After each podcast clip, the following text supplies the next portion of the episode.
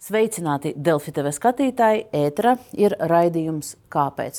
Šodien intervija ar Latvijas ārstu biedrības prezidenti Ilzi Aizsilnieci.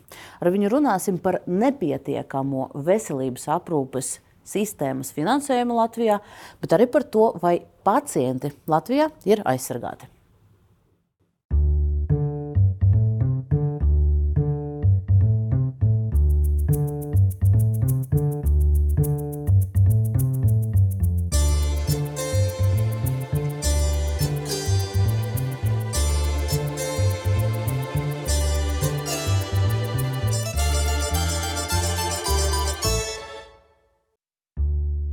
Latvijas ārstu biedrība dibināta 1988. gadā, un šobrīd te ir apvienojušies 3500 cilvēku, kas ir aptuveni puse no kopējā ārstu skaita Latvijā. Biedrības mērķis - aizstāvēt ārstu un pacientu intereses un stiprināt veselības aprūpes nozari, pilnveidot ārstu kvalifikāciju. Tā pārauga ārstu darbību un arī uzrauga ārstu ētikas principu ievērošanu, kā arī iesaistās likuma apspriešanā.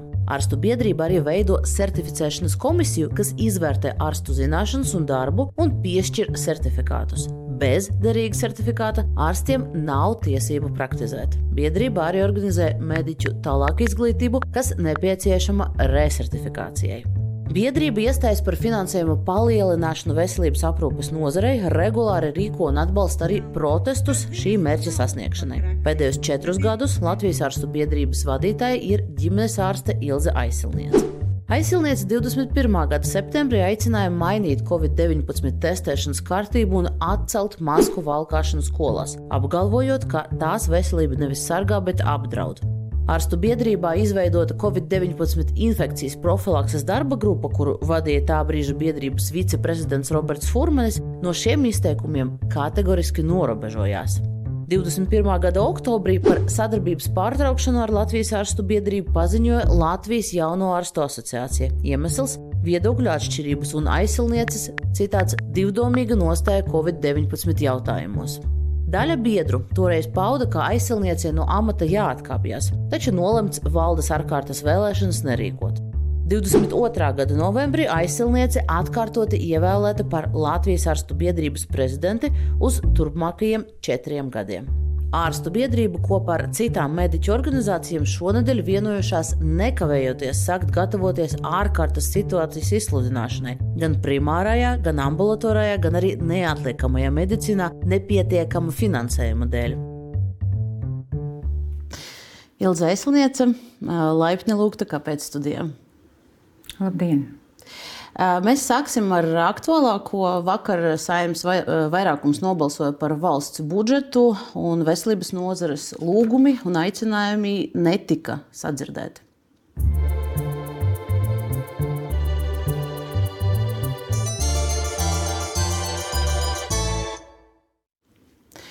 Pirms runāt par finansējumu, es gribēju jums palūgt komentāru, ka, kā ārstam budžeta izskatīšana ilga diennakti Un kā jūs vērtējat 24 stundu darba dienu no fiziskās, mentālas veselības aspekta, vai tā ir kvalitatīva darba vide? Es domāju, ka nav. Mm, īpaši cilvēki nav trenēti. Mēs medicīnā esam trenēti strādāt 24 stundas. Bet ir, tas ir, ir, nu, tās ir liels prasības gan fiziskajam ķermenim, gan arī tādai spējai pieslēgties racionāli lietām, bez liekām emocijām. Un, naktī es nesekoju šai diskusijai, bet es gribu teikt, ka daudz emociju. Un es domāju, ka mums vajadzētu vairāk racionalitātes un tādu izpratni par to, kas vispār ir, kāpēc, kas tiek darīts, kas no kā seko. Uh, tas ir diezgan bēdīgi. Un vēl man ir jau šos pēdējos piecus gadus aktīvi iesaistoties budžeta jautājumu diskusijās ar saimu un arī ar valdību. Mani tiešām satrauc šī partija disciplīna Latvijā. Ka, teiksim, ja pat es nedomāju tā, kā domā manas partijas pārējie biedri, un man ir citādāks viedoklis, es balsoju tādu, kāda ir partijas disciplīna. Man ir bijuši atkārtot ar vairākiem citu valstu pārstāvjiem, vēstniekiem Latvijā sarunas par to. Viņi arī ir bijuši izbrīnīti par šo partijas disciplīnas sistēmu Latvijā. Nu, būtībā, ja tu ievēli jauno vienotību, teiksim, 15 cilvēkus, tad nav jau vajadzīgi šie 15 cilvēki saimā. Vienam ir 15 balss, un viņš arī, nu, iet, ja tā loģiski, ja, tad viņš ir arī tas, kurš nosaka šo tonu, un pārējiem vienkārši ceļ roku. Un tas ir satraucoši. Ja mēs runājam par lēmumiem, kas šādā veidā ir pieņemti, tad, eh, tad eh, mēs vērojam budžetu un ir skaidrs, ka eh, nu, veselības nozarei šie līdzekļi atvēlēti ir nepietiekami. Liela daļa ģimenes ārstu jau tagad runā par Nē, Viena liela daļa ģimenes ārstu, kur ir pensijā, un kas, kas nu, ņemot vērā visas vēl tās dažas citas nianses, kas ir, kurās mēs nepaspēsim iedziļināties, iet projām. Uh, Un, tas ir bēdīgi. Vismaz ģimenes ārstu asociācijai ir dati, ka vairāk kolēģi ir nolēmuši beigt savu praksi. Un tagad Latvijas arstu biedrība ar citām organizācijām kopā runā par to, ka nu, ir gatavošanās ārkārtas situācijas izsludināšanai, bet to situāciju kā tādu uh, oficiāli izsludina valsts. Um, ko, ko tieši mediķi, ko Latvijas arstu biedrība šobrīd gatavojas darīt, ņemot vērā to, ka budžets ir tāds, kāds ir? Nu, pirmkārt, mēs gatavojamies tomēr nebeigt diskusiju par šī gada finansējumu. Budžets jau nav akmenī iekalts. Kā mēs zinām, budžeta izmaiņas budžeta likumā notiek periodiski. Parasti viņas ir vienreiz vasarā, pēc tam arī rudenī, kā arī tas bija pagājušo gadu. Un tas, ko mēs domājam, ka tomēr valdībai un visiem ir jāsaprot, ka, ja ir kaut kādas papildus ieņēmumi, viņi nekur citur nedrīkst, nedrīkst tikt novirzīti kā tikai uz veselības aprūpi. Jo citādāk nu, no novembra, oktobra vispār maz kas būs pieejams mūsu valsts iedzīvotājiem no veselības aprūpes. Jūs varat precizēt, varbūt, ja, ja nebūs to papildus līdzekļu, kas ir tas, kas novembrī, oktobrī notiks? Pirmkārt, ģimenes ārsti ņemot vērā to finansējumu, kas viņiem ir, un visus elektroenerģijas sadārdzinājumus, kas pagājušā gadā bijuši un kas ir gulušies pamatā uz nu, ģimenes ārstu prakšu pleciem un arī uz ambulatoru iestāžu pleciem, nerunājot jau par reģionālajām slimnīcām un arī valsts slimnīcām. Realtāte ir tāda, ka ir jāsaīsina darba laiks. Nu, tev ir jā, jā, jāekonomē resursi, tev ir jāsaīsina darba laiks. Tāds arī bija priekšlikums eh, ģimenes ārstu asociācijai. Jau vairāk kā, pirms vairākām nedēļām viņi vērsās gan pie ministra prezidenta, gan pie veselības ministrs un ar, arī pie valdības kopumā par to, ka viņi nu, neredz, kā, kā ar šiem finansējumiem, kas šogad ir paredzēts, nodrošināt visu to pilnu darba laiku. Ko tas nozīmē? Tas nozīmē, kas, ka pagarina, nu, tas gaidīšanas laiks pat pēc primārās aprūpes pacientiem varētu pieaugt. Tas ir viens. Otrs, ģimenes, ir vairāk ģimenes ārstu, kuri tomēr pašreiz algo trešo darbinieku, lai varētu koordinēt visu to darbu, kas notiek, visas ne, ne, nemitīgās un daudzās zīmes un visu pārējo. Šim finansējums vairs nav ar 2023. gadu līdz ar to teiksim, tas darba apjoms uz esošiem cilvēkiem pieaugs. Un, protams, ka tā spēja komunicēt, izrunāties ar pacientiem, laicīgi atbildēt varbūt uz viņu zvaniem vai e-pastiem, viņš samazinās tas laiks. Jo strādā nevis četri, bet trīs cilvēki vai pat divi. Jo mēs zinām, ka ir arī ģimenes ārstu prakses, kurās ir ļoti maz viņas ir, bet ir arī tādas, kur vispār nav nevienas māsas, kur strādā ārsts viens pats. Bet izņemot šīs, šīs sekas, nu, vai slimnīca, vēl jūs varat kaut slimnīca. ko konkrēto nosaukt, kas, kas med, aprūpē mainīsies? Reģionāli aprūpē mainīsies tā, nu, teiksim, medikamentu pieejamība. Jautājums, cik daudz mēs varēsim atļauties no kompensējumiem medikamentiem par to naudu, kas šogad ir piešķirta. Jo mums bija cerība, ka 2023. gadā mēs vismaz pietuvosimies Igaunijai un Lietuvai inovatīvo medikamentu izmantošanā mūsu ārstē, ārstniecības procesā. Jo, teiksim, ir inovatīvie onkoloģiskie medikamenti. Lietuvā tiek kompensēti, manuprāt, 4, Igaunijā 5 no jaunajiem medikamentiem, Latvijā 1.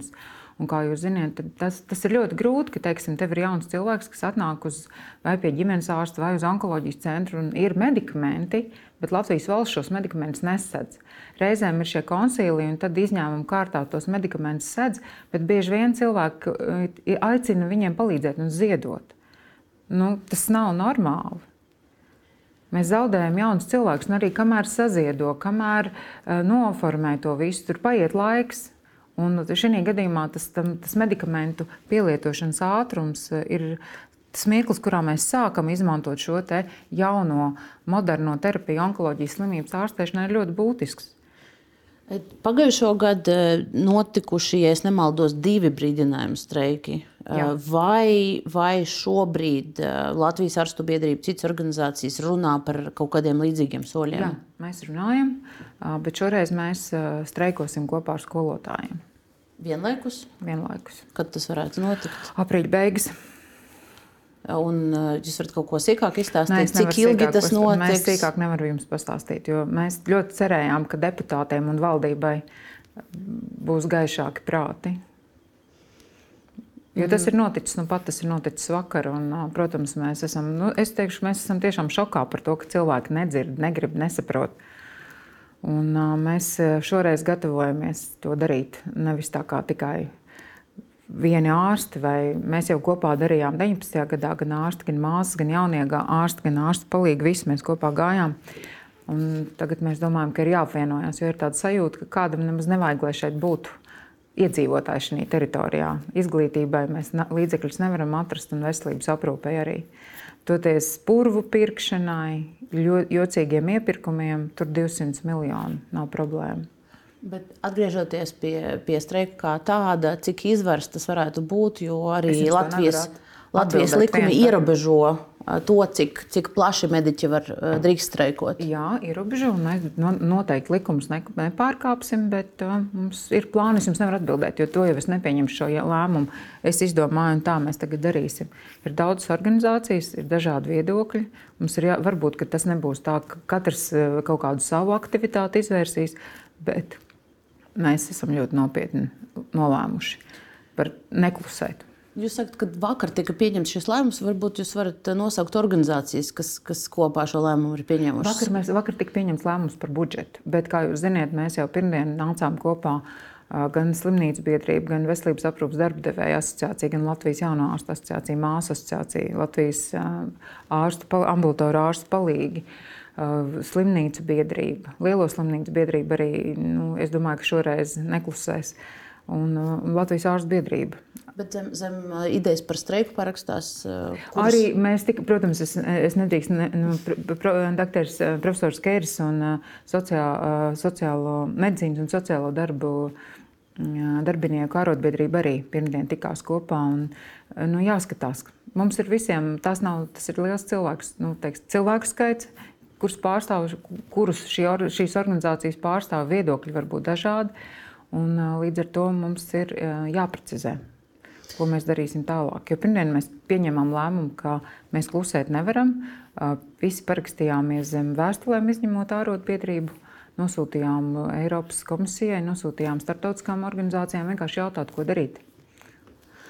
Jo situācija ir kritiska. Ja mēs rēķinām to, cik ir naudas uz vienu iedzīvotāju nākošā gadā veselības aprūpē Latvijā, un Igaunijā un Lietuvā, mēs ar vien vairāk attālinamies no kaimiņiem. Nu, faktiski mēs par to naudu, ko valsts sedz, varam uz pusi mazāk uh, veselības aprūpas nodrošināt nekā Igaunija un Lietuva. Es tomēr atgriezīšos pie, pie streika, jo šī ir, šī ir diezgan svarīga ziņa. To, uh, to ilgumu jūs nevarat uh, Nē, komentēt. Nu, mēs jau tikai tagad, uh, vakar sapratām, ka nu, mēs nevaram apstāties. Un konkrētas prasības arī nē.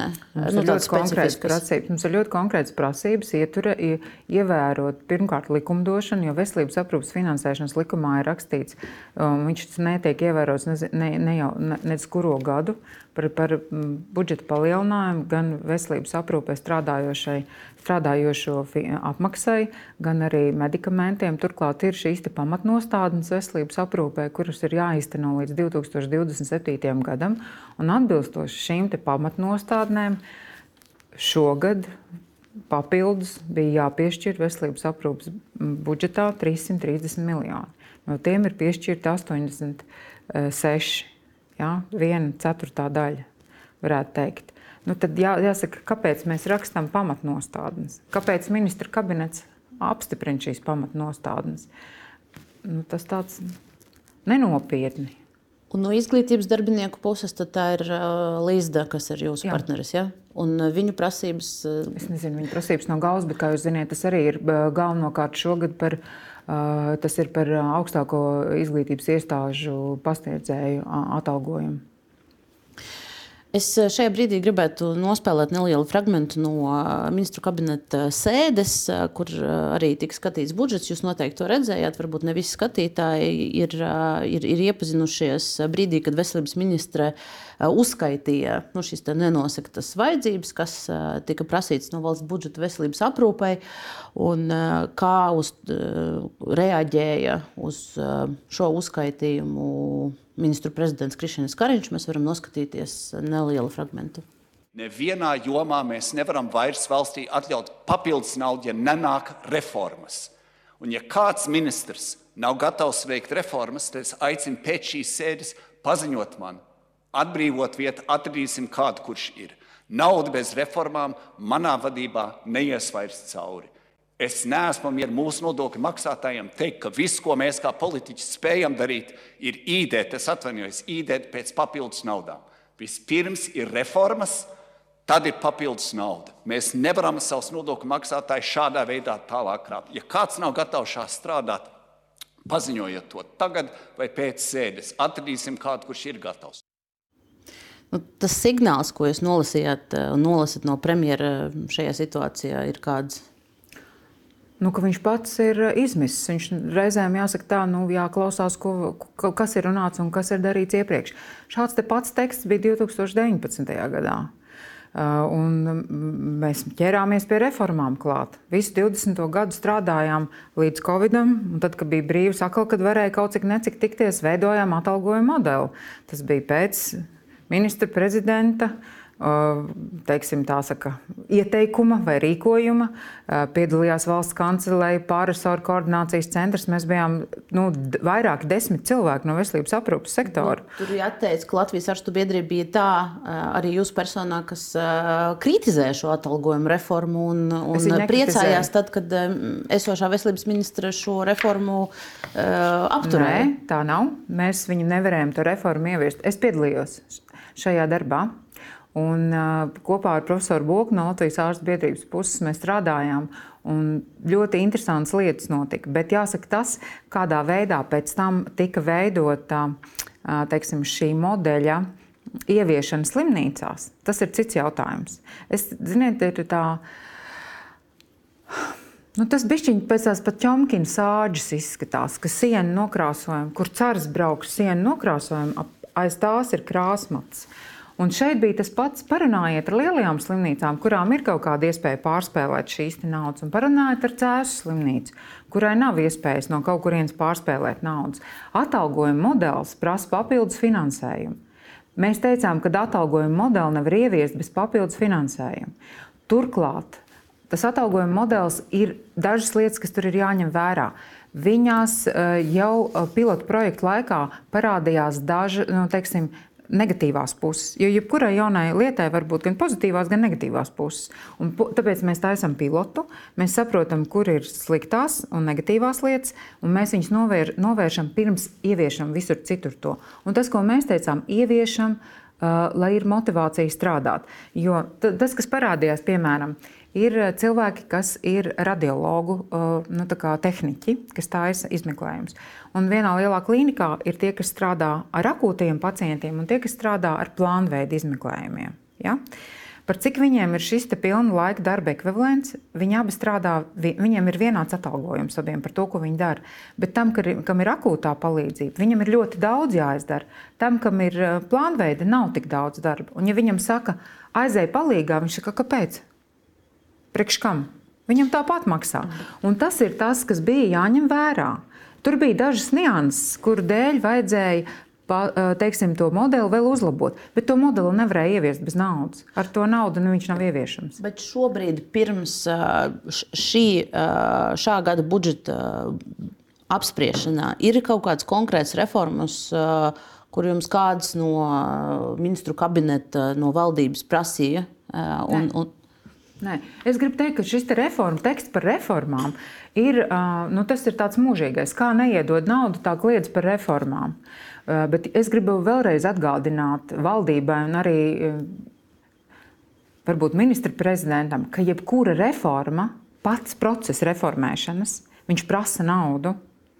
Tu nevari, ja tu rēķinies ar reformām, tad tev ir jārēķinās ar to palielinājumu, kas ir. Plus, vēl, jo jebkura reformēšana nozīmē kaut kādu infrastruktūras maiņu, kaut kādu sistēmas maiņu, un tas viss prasa naudu.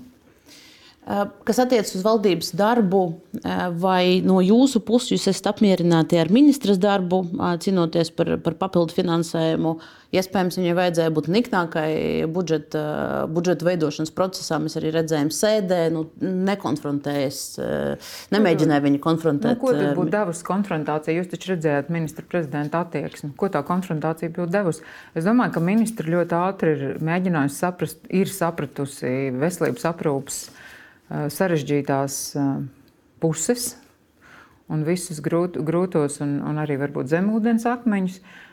Un es domāju, ka viņi bija ļoti konstruktīvi savā sarunā. Viņi vienkārši lūdza izdarīt to, kas bija nepieciešams, to, ko vajadzēja piefiksēt. Ļoti korekti, ļoti inteliģenti, uz ko viņi saņēma diezgan nu, tādu ļoti jokainu komentāru un at, nu, arī attieksmi. Nu, mēs gaidīsim, jebkurā gadījumā, kā, kā uh, risināsies uh, kaut kāda papildu finansējuma piešķiršana.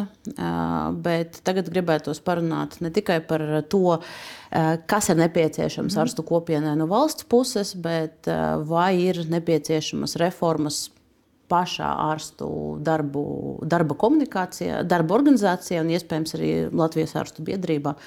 Tad par to arī turpmāk.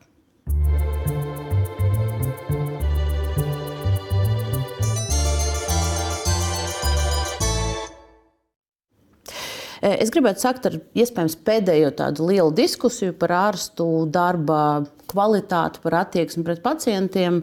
Un tā ir eh, pirms dažām nedēļām publicēts, eh, publicēta. Mm, tāda mm, publicēts materiāls, pētījums par dzemdībām Latvijā, par dzemdību palīdzību. Un, nu, diezgan kliedzoši ir tie rezultāti. Uh, 36% no sievietēm, kas piedalījās pētījumā un ir dzemdējušas kaut vienu bērnu Latvijā, atbildēja, ka viņi pirms dzemdībām, dzemdību laikā vai arī pēc īsi ir saskarušās ar negatīvu attieksmi no medicīnas personāla puses, tostarp arī no ārstiem. Vai jūs redzat, ka šī ir sistēmiska risināma problēma? Un, ja jā, tad ko ārstu kopiena varētu darīt? Redzat, te ir tas jautājums, ar ko mēs arī vakardienas konferencē diskutējām, un ko mēs arī mēģinām skaidrot politiķiem un valdībai kopumā. Ja jūs esat viens ārsts, kas ir atbildīgs par desmit pacientiem, un viens ārsts, kas ir atbildīgs par trīs pacientiem, ir milzīga atšķirība jūsu spējā iedziļināties, komunicēt un būt klātesošam pacientam.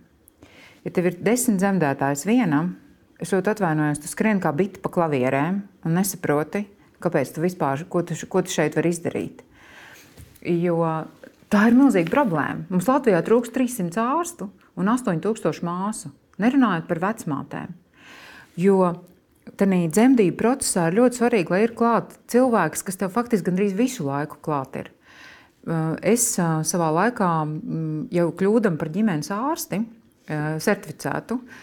Ļoti ilgus gadus gāju pa brīvdienām volontēt uz sesto slimnīcu, uz dzemdību nodaļu, pie, da, pie profesora, no jau profesors Rezbergs, pie doktora Mežuls, pie doktora Jostiņas un arī pie vecmātēm.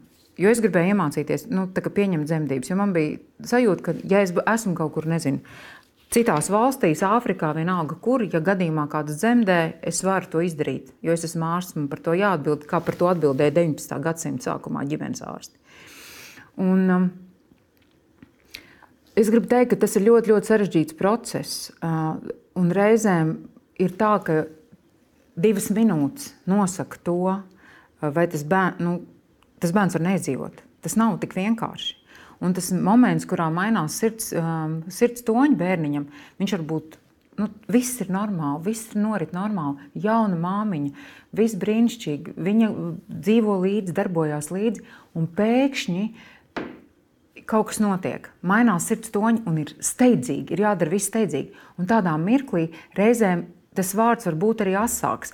Godīgi sakot, es tādā aptaujā gribētu zināt, cik daudz ir vienkārši paprasīts jā un nē, vai tomēr ir izanalizēta tā situācija? Es, eh, es jums varu varbūt sīkāk izstāstīt jā. par to pētījumu, jo uh, pirmkārt, um, interesants aspekts ir, uh, ka sākumā pētnieci ir prasījuši sievietēm izstāstīt konkrētus gadījumus, kā viņiem mhm. gāja. Mm. Un pēc tam bija lūgums novērtēt šo savu pieredzi. Uh mhm. -huh. Un kopumā sievietes šo pieredzi novērtē kā pozitīvu. Uh mhm. -huh. Bet, tas tā latiņa Latvija ir diezgan zema. Sieviete, vesela, iz, sieviete ir dzīva, bērns ir dzīves un vesels, un tā ir mūsu latiņa šobrīd diskusijās.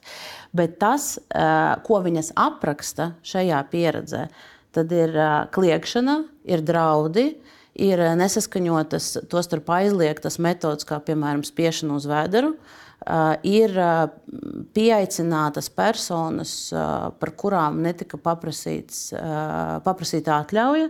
Un es, Piemēram, es, kādas personas pieaicināts? Uh, rezidenti, rezidenti, studenti. Jā, ah, es studenti. varu nolasīt. Ir, ir, man liekas, ka tie, ne, nu, tie, konkrētie, ir, jā. tie konkrētie piemēri ir diezgan, diezgan svarīgi. Piemēram, laikā, kad mērīja toņus un bija sapīgas kontrakcijas, teica, tas vēl nav kontrakcijas, netalojiet pamešana vienā nesot uz dzemdību galda, nevēlēšanas teikt, kādi medikamenti tiek pielietoti un kāpēc.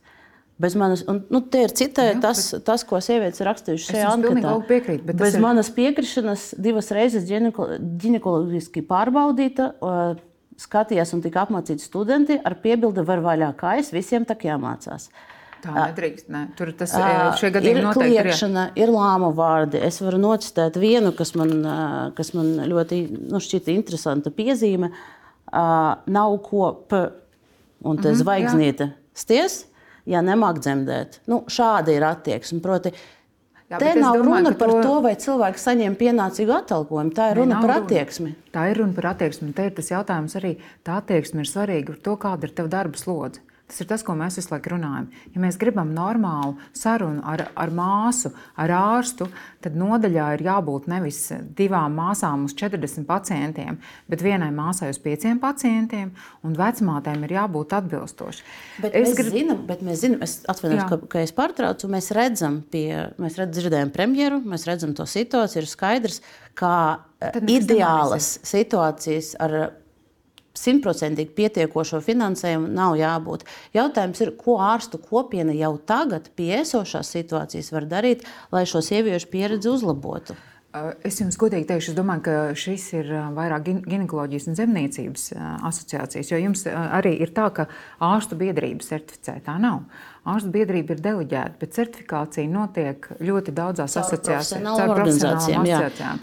Un es domāju, ka, eh, ja mēs runājam par ginekologu un dzemdību speciālistu profesionālās asociāciju, viņi ir ļoti daudz strādājuši. Arī jaunie ārsti, arī ārsti, kuri ir daudz gadu, gadumā, daudz garu gadumā, gadu garumā ir strādājuši, viņi uh, ļoti nopietni pievēršās šai situācijai. Bet mēs redzam, problēma. Šis, šis ir svaigs pētījums. Šis ir svaigs divām... pētījums, un līdz ar to mums ir jāsaprot, vai, cik daudz tas ir nācis no ārstiem, cik daudz tas ir nācis varbūt no citiem medicīnas profesionāļiem. Tur ir no ārstiem ir 45%, vecmātes 40%, jo tur pārklājas, vai sieviete var jā. piedzīvot jā. šo mhm. negatīvu attieksmi no vairākiem no vairākiem cilvēkiem, medmāsām 43%. Tā kā, nu, tur, ir, tur ir ko ārstiem darīt. Jā, un redzat, tas, kas mums pašreiz ir jauns, par ko mēs runājam, arī ārstu biedrība, arī ņemot vērā pēdējo gadu notikumus, mēs ieviešam disciplināru lietas tieši tāpat, kā tas ir juristiem un tāpat, kā tas ir arī arhitektiem. Ko tas nozīmē? Ja, čet, pie, ja šo resertifikācijas gadu laikā ārstam ir bijušas disciplināru lietu pārkāpumi, saistībā ar ētiku vai arī ārodu pārkāpumi tiek risināts, tad ne tikai viņa tālāka apmācība ir faktors viņa certifikācijai, bet ir arī svarīgi, vai viņam nav šie pārkāpumi. Bet eh, jūs sakat, ka ir šī, šie ir likuma grozījumi par disciplināru atbildību ārstiem, bet kurā stadijā tie atrodas? Viņi tuliņās būs pieņemti. Mēs jau sākam strādāt. Viņi tuliņās, viņiem, viņiem, viņiem jau vajadzēja sākt strādāt ar 1. janvāru šī gada, 2023. gada 1. janvāri. Bet acīm redzot, tie iepriekšējā saimē viņi ne, nelika. Ne... Bet kurā stadijā tie grozījumi atrodas? Viņi jau ir sen iesniegti saimā. Tie ir ārsta, ārstniecības likumā grozījumi. Te man jums jāpanē, tā nav. Tiesību aktu portāls tur ir ļoti labi skaidri, skaidri redzams, kurā stadijā atrodas kurš likuma grozījums. Šie konkrētie grozījumi, par kuriem jūs runājat, tie nav iesniegti saimā, tie pat nav bijuši izskatīti ministra kabineta sēdē. Tie joprojām atrodas saskaņošanā. Proti, tad, kad nu, skatītāji varbūt nav informēti par visu šo procesu, bet tas ir brīdis, kur par likuma grozījumiem izsaka viedokļus gan profesionālas organizācijas, gan arī ministrijas. Un tur, izņemot Tieslietu ministriju, ne, atvainojos, izņemot iekšlietu ministriju, neviena cita ministrija nav devusi savu saskaņojumu. Jā, bet... Ne, uh, bet jūs sakat, ka viņi ir uh, saimā. Viņi, viņi nav saimā. Viņiem vajag, es jums saku, tas mūsu, ņemot vērā visus arī jūs labi ziniet pagājušā gada notikumus. Mēs diezgan stingri strādājām, lai parādot, parādītos šī disciplināra lieta.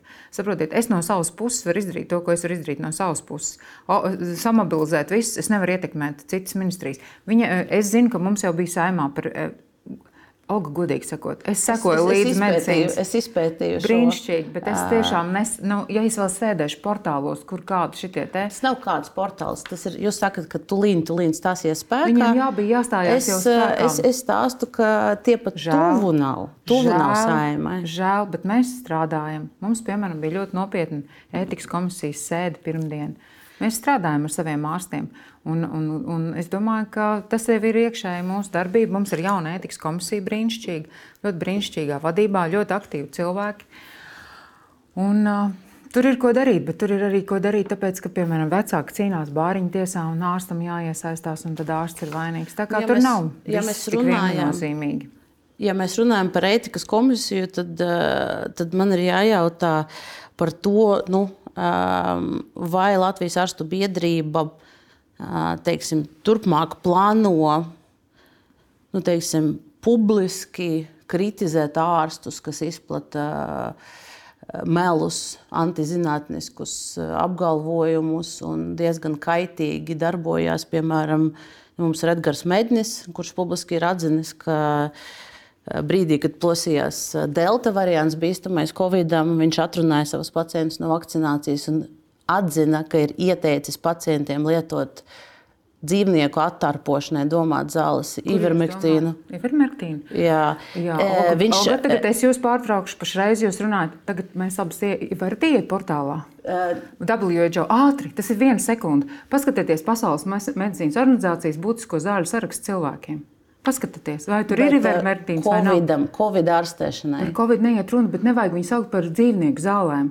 Tās Mēģis tik... šīs zāles ir ieteicis Covid ārstēšanai saviem pacientiem. Es... To viņš ir atzinis intervijā Latvijas televīzijai. Bet, un tad jautājums ir par to, ir, ir, ir mēģinis, ir Lauris Līcīts. Jā kurš publiski ir atstāstījis gadījumus, kur pēc vakcīnas esot magnēts vai pielipis pie rokas vai metāls mm -hmm. pacientei.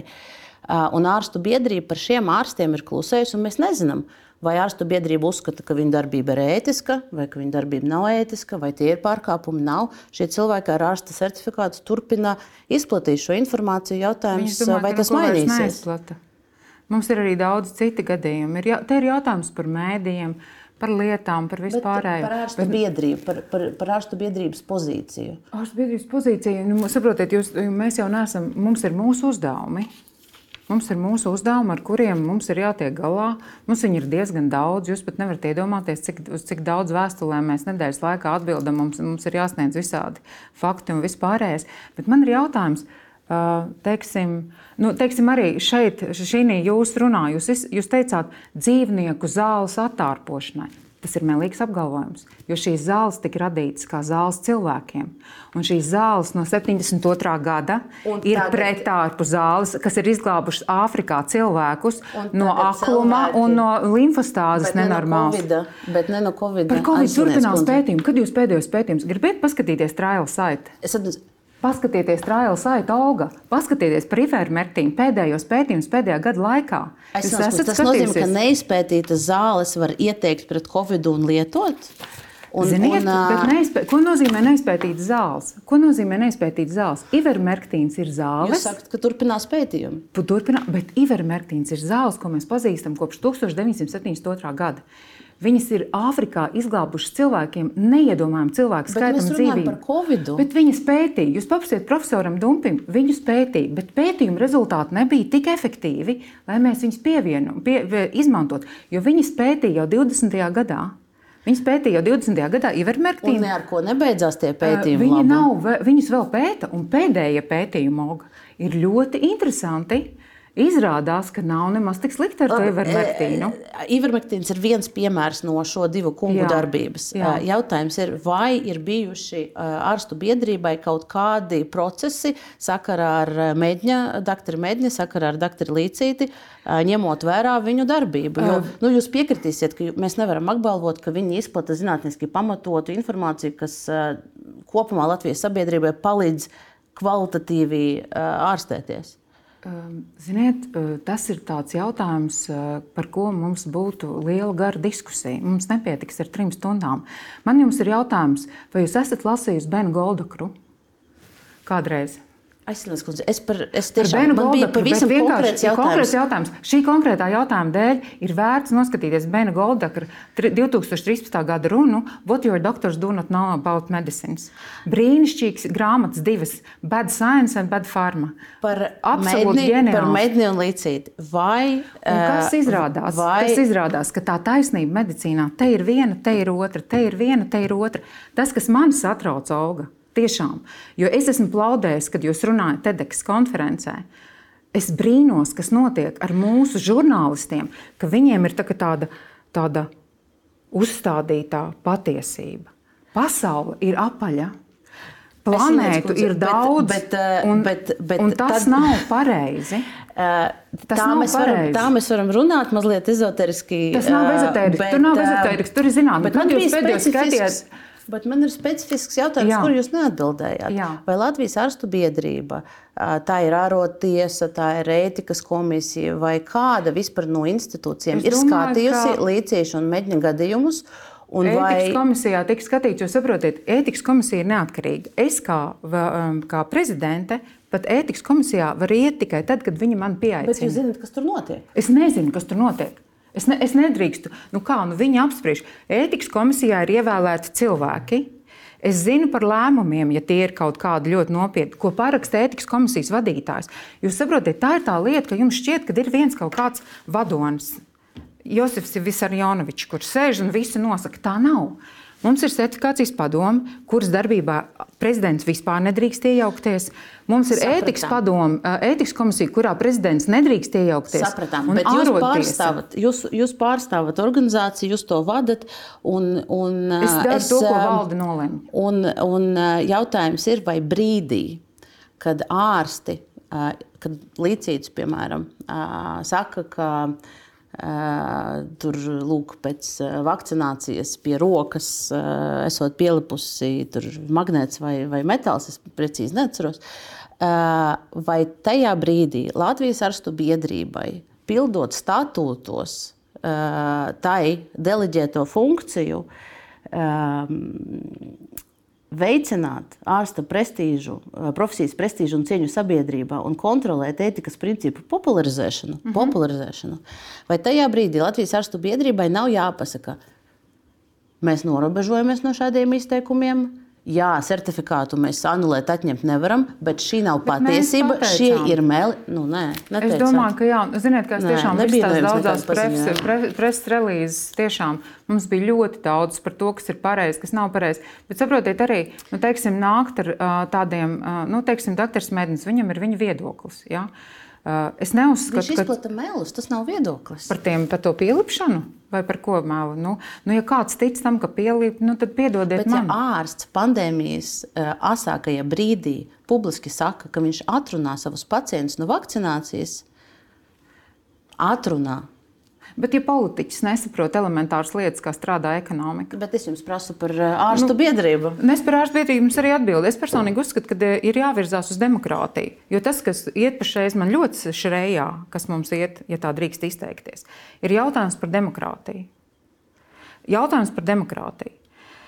Demokrātijā tā nav visatļautība, bet tā nav arī tāda ierobežošana. Jo man, jums, Olga, vēl ir viens ieteikums. Noskatieties brīnišķīgu pasākumu Event 201.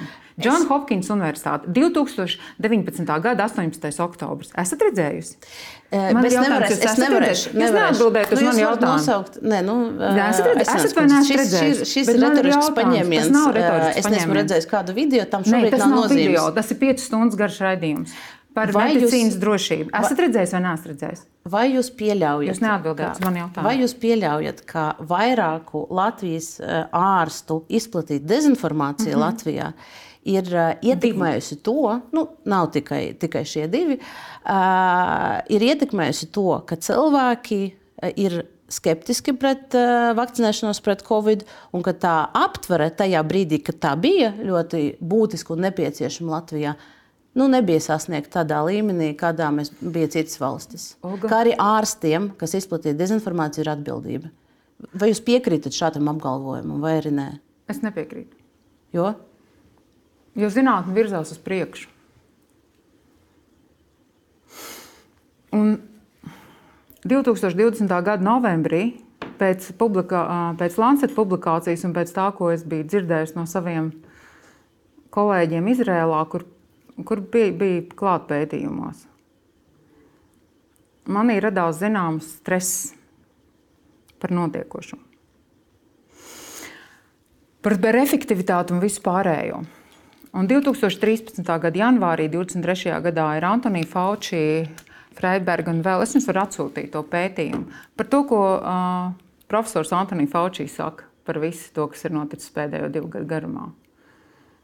Tas viss nav tik viennozīmīgi, Olga. Un ir jautājums, kurā laukumā jūs spēlējat? Kāda ir jūsu mērķa un ko jūs gribat panākt? Kas, kas tie, jūs varat precizēt, kas tieši nav viennozīmīgi? Vakcīna efektivitāte. Viņa nav viennozīmīga pēc pēdējiem pētījumiem. Tas, ka viņi ir Jūs vajadzīgi, detalizēt izstāstīt, Jā, ļoti detalizēti var izstāstīt. Va- efektīvs? Efektivitātes ilglaicīgums, blakus parādība biežums, to reģistrācija. Tas, ka vakcīnas ir nepieciešams un vajadzīgas, bet arī šie trīs ļoti ievērojamie profesori saka, ka diemžēl ar tām, ar to, kas mums ir bijis šo divu gadu garumā, nav tik vienkārši. Un ka mums ir jāstrādā, ja mēs gribam tiešām labus rezultātus, mums ir jāstrādā vairāk. Kad, teiksim, ņemot vērā vīrusu mainīgumu un visu pārējo, uh, mums ir tā kā jāpadomā, kā mēs turpmāk strādāsim pie šiem te, teiksim, vakcinācijas pētījumiem un attīstības. Turpmāko, jā, bet tie piemēri, kurus es minēju, ir cilvēki, kuri pie delta varianta atrunāja cilvēkus no vakcinācijas tad, kad uh, nokļūšana slimnīcā bija ļoti reāla iespējamība uh, bez primāras vakcinācijas. Par tiem gadījumiem mēs runājam. Nu, zinat, Nevis par to, kā, un, kā tiek un kā netiek reģistrēts blakus parādības. teikšu, tas jau ir pagājis laiks. Es, da- es jūsu vietā necelātu to visu. Ņemot, zinot to, kas pašreiz pasaulē notiek, ko katru dienu rakstu. pateikt tiem cilvēkiem, Nē, kuri, kuru, kuru radinieki ir nomiruši, jo nav vakcinējušies. Ziniet- nav, nav jācelā. Ziniet, par viņiem tas ir pirmkārt tas ir profesionālais jautājums, tā ir profesionāla asociācija jautājums. Es zinu, ka arī asociācijas ir ar šiem kolēģiem runājušas. Ir jautājums par viņu certifikāciju, nesertifikāciju. Tas viss tiks risināts. Bet redziet, par to, ko, par ko es uztraucos. Es uztraucos par tādu virzību, pareizās un nepareizās domāšanas virzienā. Ok, šie ārsti ir to teikuši, bet mums ir jāizglīto, ka tas tā nav. Mums Vai ir jāceļ veselība. Jā, veselība, pratība. Mēs ļoti daudz strādājam pie veselības pratības. ā, Veselība pratības platformai. Jo nav jau jēga tikai ar to, ka tu ej un propagandē kaut ko. Tev ir jā, cilvēkam ir jāsaprot, viņam ir jāpieņem, par ko es esmu, par to, ka cilvēks zina par savu veselību, viņš nedzīvo bailēs.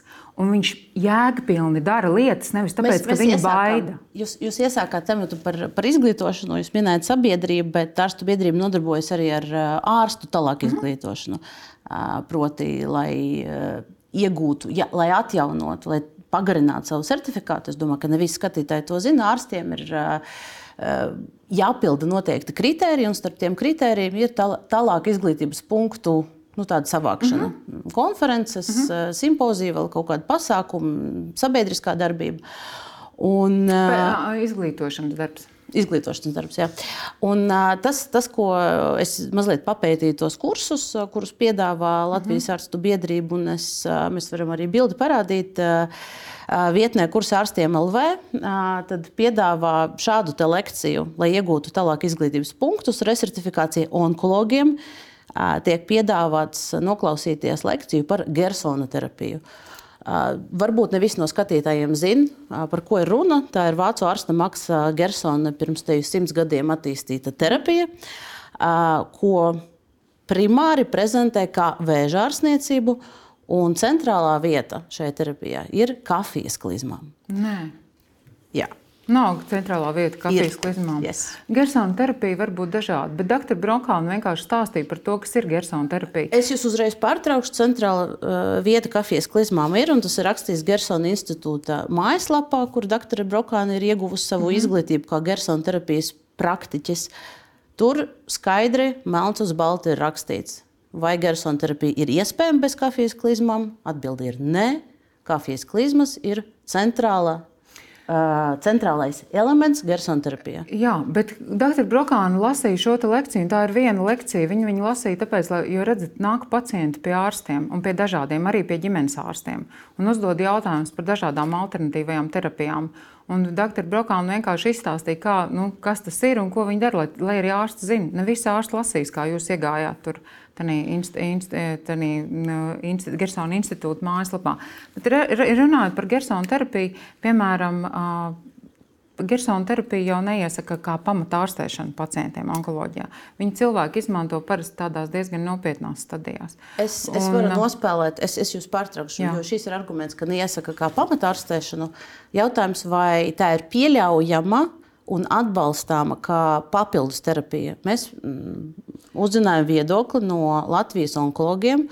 Un eh, te mēs varam nospēlēt uh, fragment no, no intervijas uh, ar uh, Viktoru Kozrovski. Viņš ir uh, Paula Stradiņa slimnīcas onkoloģijas klīnikas mm -hmm. virsārsts. Lūk, viņa viedoklis. Mm -hmm. Literatūrā ir ziņots par trīs nāves gadījumiem, kas varētu būt saistīti ar kafijas klizmu lietošanu, elektrolītu disbalansa un zarnu baktēriju sepses dēļ. Nevienā recenzētā zinātniskajā žurnālā nav publicēts neviens prospektīvs kontrolēts pētījums par Gersona terapiju vēža slimniekiem. Pieejamie dati nav pietiekami, lai apgalvotu, ka Gersona terapija ir efektīvs palīglīdzeklis citām vēža terapijām vai kā patstāvīga ārstēšana. Šobrīd Gersona terapiju vēža pacientiem var ieteikt tikai labi izstrādātu klīnisko pētījumu ietvaros. Lūdzu, arī, arī, kā, arī kā papildus terapija, lūdzu, nedariet to. Jā, ir iespējams bīstami. Kāpēc jūs paņēmāt tikai vienu lekciju no tām daudzo simtu lekcijām ārā? Tā jau tikai viena lekcija, tā jau nav tēma. Tur bija ļoti daudz tēmas, un šī bija vienkārši, saprotiet, mums ir tā, ka Kā mēs veidojam šo tālāku izglītību? Pirmkārt, jau asociācijas ir galvenie apmācītāji ārstiem. Ārstu biedrība piedāvā tikai to, kur mums nāk jautājumi. Mums vairāki ārsti jautāja, kas tā Gersona terapija vispār tāda ir, jo pacienti nāk un prasa. Viņi nāk un prasa, vai viņi var izmantot vai nav izmantot. Un mēs vairāk jau, mēs jau neapmācām ar šo te Gersona terapiju onkologus. Un ko, un ko viņiem šajā lekcijā stāstīja? Kā viņam stāstīja šo? Vai stāstīja, vai stāstīja ka, ka, ka tur viss ir ļoti es labi un nesot labi pētījumi? Es domāju, ka doktor, eh, kā jūs redzējāt, doktors Kazarovskis arī teica, ka reiz notiek klīnisko pētījumu ietveros. Nē, tā viņš neteica. Viņš teica, ka to var ieteikt cilvēkiem tikai, ja jā, ir klīniskie pētījumi. pētījumi. Viņš neteica, ka šobrīd jā, klīniskie klīn... pētījumi notiek. Ja tas ir klīnisko pētījumu ietvaros, un es jums gribu teikt, paskatieties Andersona institūta Teksasā, onkoloģijas. Tur viņi pēta dažādas alternatīvās metodas. Pašreiz ir ļoti plaši daudz, kas tiek pētīts un meklēts, kā cilvēks atbalstīt un palīdzēt. Man šajā brīdī man, mūsu sarunā ir neliela pauze. Man jāatvadās no RTV skatītājiem, jo, jo RTV ēterā mums ir atvēlētas 48 minūtes, kuras mēs jau mazliet pārsniedzām. Paldies RTV skatītājiem! Turpmākā saruna ir pieejama Delfi TV ēterā. Tad aizsniedz, kundze, es, jūs, nu, tā saruna ir interesanta, jo sākumā jūs teicāt, ka Gersona terapija jau tā kā nekas slikts nav. Tad mēs parādījām to viedokli. Jūs sakat, bet tā ir tikai viena lekcija no, Nē, no tām daudzajām. Un, un jautājums Olga, ir, tas ir jautājums, vai... bet saprotiet, te ir tas, kā jūs parādat patiesību. Tas ir jautājums par to, kā žurnālists parāda patiesību. Kas, kas ir nepatiesa no tā, ko, ko Tur ir viens, jūs saprotat, jūs paņemat vienu lekciju, kas varbūt ir, jūs, jūs pēc savas būtības, jūs gribat pārmest Latvijas ārstu biedrībai, ka mūsu tālāk izglītība, kāda ir mūsu tālāk izglītība. Ja? Labi. Ā, Jūs paņemat ārā viskontroversālāko lekciju no visām lekcijām, kas ir bijušas šo gadu garumā. Pie tam mums ir 200 un 200 lekcijas. Paskatāmies, ko mēs esam darījuši Covid saistībā. Vie, pat vienas šādas lekcijas atrašanās ļauj man uzdot jautājumu par to, cik kvalitatīva ir tā tālāka izglītība. Jo jautājums ir par to, kāda ir kritērija, ko jūs stāstat ārstiem. Ja kritērijas nav, ka šī ir pierādīta, Bet To dr. Linda Brokāna arī pateica lekcijā, ka tā ir tikai papildu metode, kur ir pētījumos. Jo viņa stāstīja cilvēkiem, kas gribēja saprast, kas ir gersona terapija. Jo saprotiet, viens ir tas ārsts, kurš strādā, kuram varbūt nav angļu valodas zināšanas. Un kuram pie kura atnāk un prasa, vai man to gersona terapiju, es kaut ko dzirdēju par gersona terapiju. tiešām bija, bija iesniegumi ar lūgumu bija kolēģiem, kolēģi vispār bija. Tur bija vesels saraksts ar visu kaut ko. Bet, Mēs ziniet, tas, tas, ko stāstīja un nestāstīja uh, dr. Brokāna, protams, tajā lekcijā, es, uh, ieraksts man nav pieejams, jo es neesmu ārsts un nevaru ielogoties šajā portālā. Bet uh, ārsts LV žurnālā gan ir raksts, datēta, datēts ap to pašu laiku, kad notika mm -hmm. šī konference. Un tur dr. Brokāna stāsta, ka jā, tradicionālā medicīna izvairās uh, un nepieņem šo terapiju, bet diezgan plaši apraksta par to, cik uh, ir bijuši kādi pētījumi, retrospektīvie par iespējamiem šīs terapijas efektiem. Un noklusē visu kritiku, ko šie pētījumi ir saņēmuši. Viņi stāsta par pozitīviem gadījumiem, bet nestāsta, ka tajā pašā pētījumā, piemēram, 53 pacienti, kuri vienkārši pazuda kaut kur pētījuma mm laikā un nebija atrodami, ka tie netika iekļ- iekļauti izlasē. Tā ir pilnīgi- viņi visu Tā ir ļoti neapraksta. liela problēma vispār pētniecībā. Un vispār, es jums izstāstīšu, šo, bet, bet, bet mēs kāpēc ne- rakstā šo Bet, Olga, neizstāst. Un, kā jūs sakat, tie ārsti, kas angliski nemāk, no viņas vismaz tā raksta, un ja tā, tas raksts ir līdzīgs uh, lekcijai, no viņas tā, tā raksta, neuzzinās to, ka tie pētījumi ir nepilnīgi. Bet es jums vispār teikšu par medicīniskiem pētījumiem. Tā skaitā par runājam- A nē, nē, vakcīnu. aizsniedz, kur- Nē, es jums- par visiem nē, pētījumiem es jums- kopumā ir tāda medicīnas, bet es jums tagad izstāstīšu, jo tā ir ļoti liela problēma par medicīniskiem pētījumiem. Par šo jautājumu mēs varam piekasīties jebkuram, un es vēlreiz jums iesaku noskatīties Benu Goldakru, jo, piemēram, tā tendence publicēt pozitīvos pētījumus un nepu- nepublicēt negatīvos pētījumus ir mums milzīga problēma. Uh, Jo, piemēram, par tādu antidepresantu kā paraksitīnu, kuru plaši pielieto, par viņu ir uh, uz 2012. gadu 38 pozitīvi un 36 negatīvi pētījumi. Publicēti ir 37 pozitīvie, ne 36 po- pozitīvie un 3 negatīvie. Aizsniedz, Tas vispār ir ļoti, tā vispār Tas- ir ļoti liela problēma. Es, es pateikšu, ka tas, ko, nu, tas retoriskais paņēmiens, ko jūs šobrīd lietojat, tādā modernā debašu kultūrā, tas saucās whataboutisms. Es jums stāstu par vienu, bet jūs stāstat par to, ka kaut kur citur vispār ir Jā, citas problēmas. Mēs sapratām, jūsu viedoklis par Latvijas ārstu biedrību ir. Es viņu varu noformulēt uzreiz, ka Latvijas ārstu biedrības tālāk izglītība ir nekvalitatīva, ka mēs nezinām, mēs nekritizējam slikti un mēs nesodām tos sliktos ārstus, kur varbūt domā citādāk, jo visiem ir jādomā vienādi, kā mums partija un valdība ir likusi. Nu, tas jau bija skaidrs mūsu sarunas sākumā. Un tas bija arī iemesls, kāpēc es negribēju tā. nākt ar jums runāties.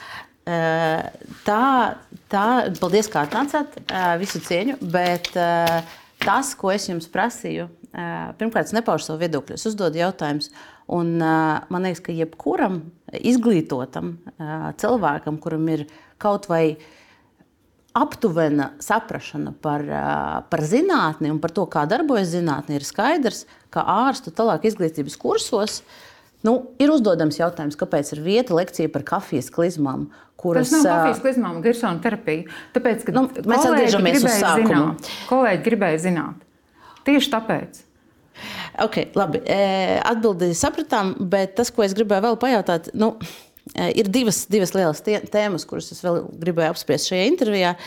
Un, uh, pirmā ir, ka nu, tā, tas, ko es novēroju šajā sarunā, ir, ka nu, jūsu teiksim, tā, nu, toleranta, pieļaujoša attieksme pret nezinātniskām metodēm vai nezinātniskiem uzskatiem.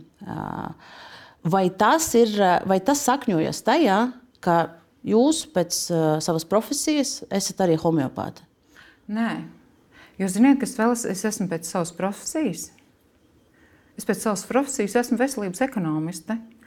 Un ar to esmu visvairāk pelnījis naudu šai pasaulē. Nu, teiksim, kā starptautiskais konsultants. Es vienkārši domāju, ka vistraģiskākais ir domāt kastītēs. Es esmu beigusi Londonas uh, Universitātes higiēnas, uh, nu, sabiedrības veselības un higiēnas skolu. Man ir maģistra grāts, un esmu strādājis ļoti daudzās uh, teiksim, valstīs, veidojot būtisko zāļu sarakstus tas, kas ir pamats saraksts, lai vispār varētu. Es esmu strādājis Ziemeļafganistānā un veidojis 50 zāļu sarakstu, strādājis ar sievietēm, staigājis paranģā, lai atrastu cilvēkus, kas var. Um, teiksim, tādā ciematā uh, strādā, sēdēt ar tām zālēm un dot uh, bērniem, ja viņiem ir pieaugušiem, viņiem ir 40 grādu temperatūra, ja viņiem ir caurēji, lai tas medicīnas darbinieks var. Es esmu meklējis, kurš varētu būt tie medicīnas darbinieki, un izrādījās, ka tās ir sievietes, kuras ir atbraukušas no Kabulas un kuras ir ārstas un māsas. Un kurš staigā parāņģā, un kurš man rāda fotogrāfijas, kā viņas ir dzīvojušas pirms 20 vairāk gadiem. Un es saprotu, ka vistrauslākais šajā pasaulē ir demokrātija. Šajā... Vissvarīgākais ir domāt dažādi, jo medicīniskā zinātne ir ļoti mainīga. Medicīniskajā zinātnē tas, kas bija 19. gadsimta sākumā, pēc 20 gadiem tika noliegts, pēc 10 gadiem noliegts. Medicīnas zinātne šausmīgi mainās. Olga, 2005. gadā es mēģināju stāstīt par mikrobiomu mani nosauc par šarlatāni. Tas cilvēks, kas man nosauc par šarlatānu, tagad lasa lekcijas par mikrobiomu. Ziniet, medicīna ir mainīga, un man ir jums lūgums. Pies, nu, Jūs variet, jo jūs esat brīnišķīgi žurnālisti. Es tiešām uh, vienmēr esmu apbrīnojis to jūsu aso spēju diskutēt un visu Paldies, parādīt. Bet tad, tad man ir jautājums, man ir jautājums lūdzu, vai tad jūs pieļaujat, ka kaut kādā brīdī uh, zinātne un mūsu izpratne par vielu struktūru mainīsies tik ļoti, ka tiešām pētījumos mēs pierādīsim, ka lielāka atšķi, vielu šķaidīšana ar vien lielākā tilpumā pastiprina aktīva ingredienta darbību ar kratīšanu, un, un princips līdzīgais ārstē līdzīgo uh, arī tiks apstiprināts. Es, man tiešām ir jā, jāatstāt uh, Večslavu Kašēvu. Es domāju, ka viņa, uh, jā, viņa, viņa prātu, ja, viņa nē, prātu nē, jūs arī neapšaubīsiet. Večslavs Kašēvs arī saka tādu brīnišķīgu lietu, ka par homeopātiju, zinat, es viņu mācījos, tāpēc, ka man bija, uh, man vispār ļoti interesē daudzas dažādas lietas. Bet pasaulē. jūs izrakstat šobrīd homeopātiskus preparātus saviem, saviem pacientiem? Ja pacienti tev teiksim, ir noskaņojušies, ka viņi neko citu negrib un grib tikai homeopātiju, es zinu arī homeopātiju. Bet, Olga, jums izstāstīšu vienu lietu par uh, Vjačeslavu. Jūs ticat, es atceros, jūsu uzskats ir, piemēram, ka mēs paņemsim vienu no pirktākajām zālēm Latvijā. Es centīšos precīzi izrunāt oscilo Jā. Vai, vai šīs zāles uh, jūs iesakāt saviem es pacientiem? Es neiesaku saviem Kāpēc? pacientiem. Nu, tāpēc, ka es nezinu tik daudz par oscilokokīnu. Uh, es zinu cilvēkus, kas paši saka, nu, ka viņi lietos oscilokokīnu. Saprotiet, es jums tā teikšu godīgi. Mēs uh, aizmirstam par vienu fantastisku lietu, par cilvēku spēju pašārstēties. Ja, par to cēbo efektu. Uh, Un, uh, te ir uh, brīnišķīga grāmata par trim neizskaidrojām lietām pasaulē. Bet atpakaļ pie Vjačslava Čēva. Es gāju uz Vjačslava Čēva lekcijām, jo man uh, uh, LO open minded, kad, viņš, kad tikko tas viss process sākās. Un Vjačslavs Čēvs arī saka, ka viss šai pasaulē tomēr nu, ir zināmā mērā no enerģija, ja mēs paskatāmies. Un te ir 2011. gada ļoti interesants pētījums. Vācijas divi, man liekas, ka Heidelbergas Universitāte tur arī piedalījās. Ir ļoti interesanti lieta, kad ūdens nanovidē, šī ūdens molekula nanovidē, kas netam ir mūsu glāzē, viņa ir pilnīgi balts, caurspīdīgs, skaidrs, vienkārši brīnišķīgs šķidrumiņš. Viņa absolūti nav aktīva, bet ūdens molekula nanovidē kļūst neiedomājami aktīva. Es jums varu atsūtīt to pētījumu. Jā, e, to, to es, to es iepazīšos, bet jautājums, es, es tomēr gribu atgriezties, vai uh, jūs uh, kā ārsts uh, teiksim, tā, mm, uzskatāt, ka homeopātijas principi darbojas, ka atšķaidot uh, lielā ūdens vai spirta daudzumā, Spirta daudzumā neatšķaida lielā.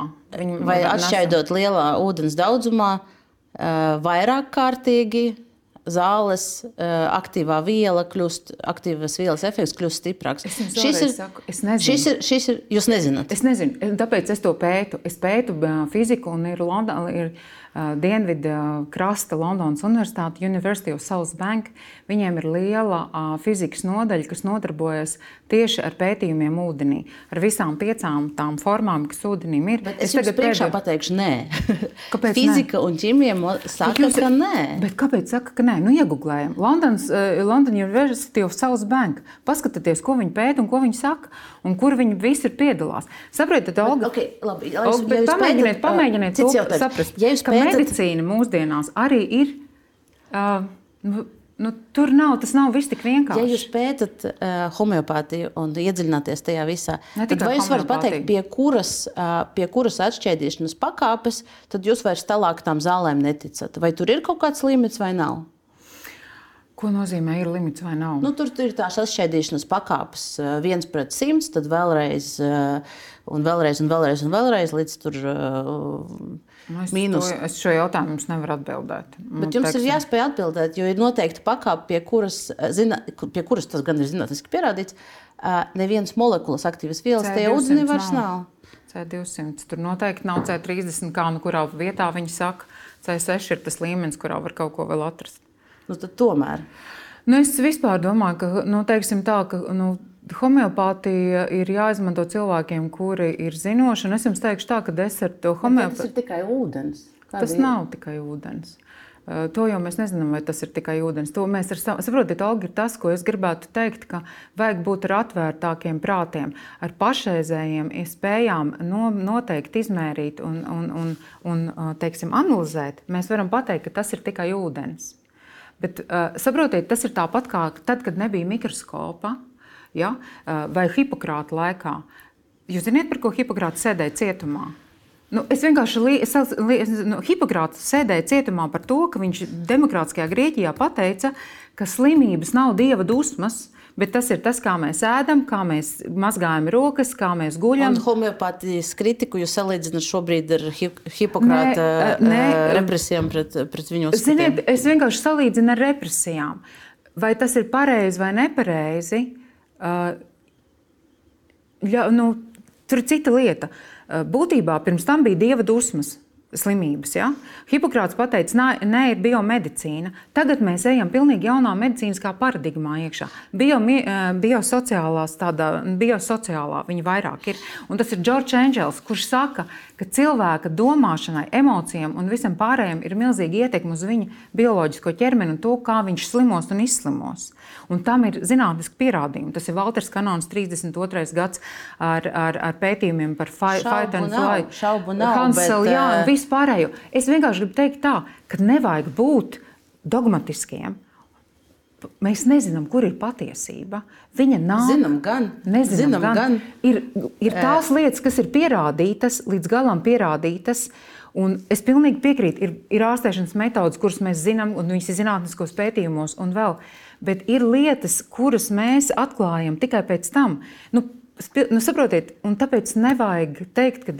Nu, Nu, šis ir tikai melns un tas ir tikai balts. Jo, ja jūs uzlaidīsiet arī šai baltai lapai virsū violetu krāsu, viņa, viņa kļūs violeta, vai ne? Zinām, nu, e, kaut ko tiešām jums ir taisnība, mēs nezinām, bet to, ka atšķaidot uh, aktīvu vielu, arvien vairāk un vairāk aktīvu vielu uh, uh, nepaliek potentāka, to mēs zinām gan, tas ir, tas ir fakts. Un tas to ir, tas nemainīsies. Ne, tas ir fakts, jo arī, protams, tas ir fakts pašreiz uz doto momentu ar mūsu dotajām zināšanām un tām spējām, ko mēs varam. Jo atcerieties, kas bija, kad atklāja, vai gaisma ir vilns vai korpuskula. Bija divi zinātnieki. Viens teica, ka gaisma ir vilnis, otrs teica, ka gaisma ir korpuskula. Un tas, kurš teica, ka gaisma ir korpuskula, tika nosaukts par muļķi. Nu, homeopātija, ir pētīta diezgan ekstensīvi un ir pierādīts, eh, un, un nav pierādīts, ka tā strādā. Un šīs ir bāzes līmenis. Nav pierādīts, ka strādā. Viss punkts. Kurš ir pētījis, cik daudz ir bijis naudas pētījumiem? Es par to diezgan. Uh, diezgan daudz, jo, es, ja es nemaldos, Bairona galvenā uh, homeopātijas ražotāja apgrozījums pagājušajā gadā 500 miljoni. Bairona, ah, bet tas jau ir Bairona. Nu, jā, nu tad, tad ir tas jautājums, vai tur nav tā, tā problēma ar tiem 500 miljoniem? Tur viss nav tik vienkārši augšā dzīvē. Kā jūs saprotat, cik ilgi mums būtu vēl jāgaida līdz uh, pierādījumam homeopātijai, ja tā ir radīta 18. gadsimtā? Mēs jau 200 gadus gaidījām, pierādījumu nav. Cik, cik vēl? Astoņi, viņa, nav, viņa nav radīta 18. gadsimtā. Par homeopātiju jau runāja Paracēls.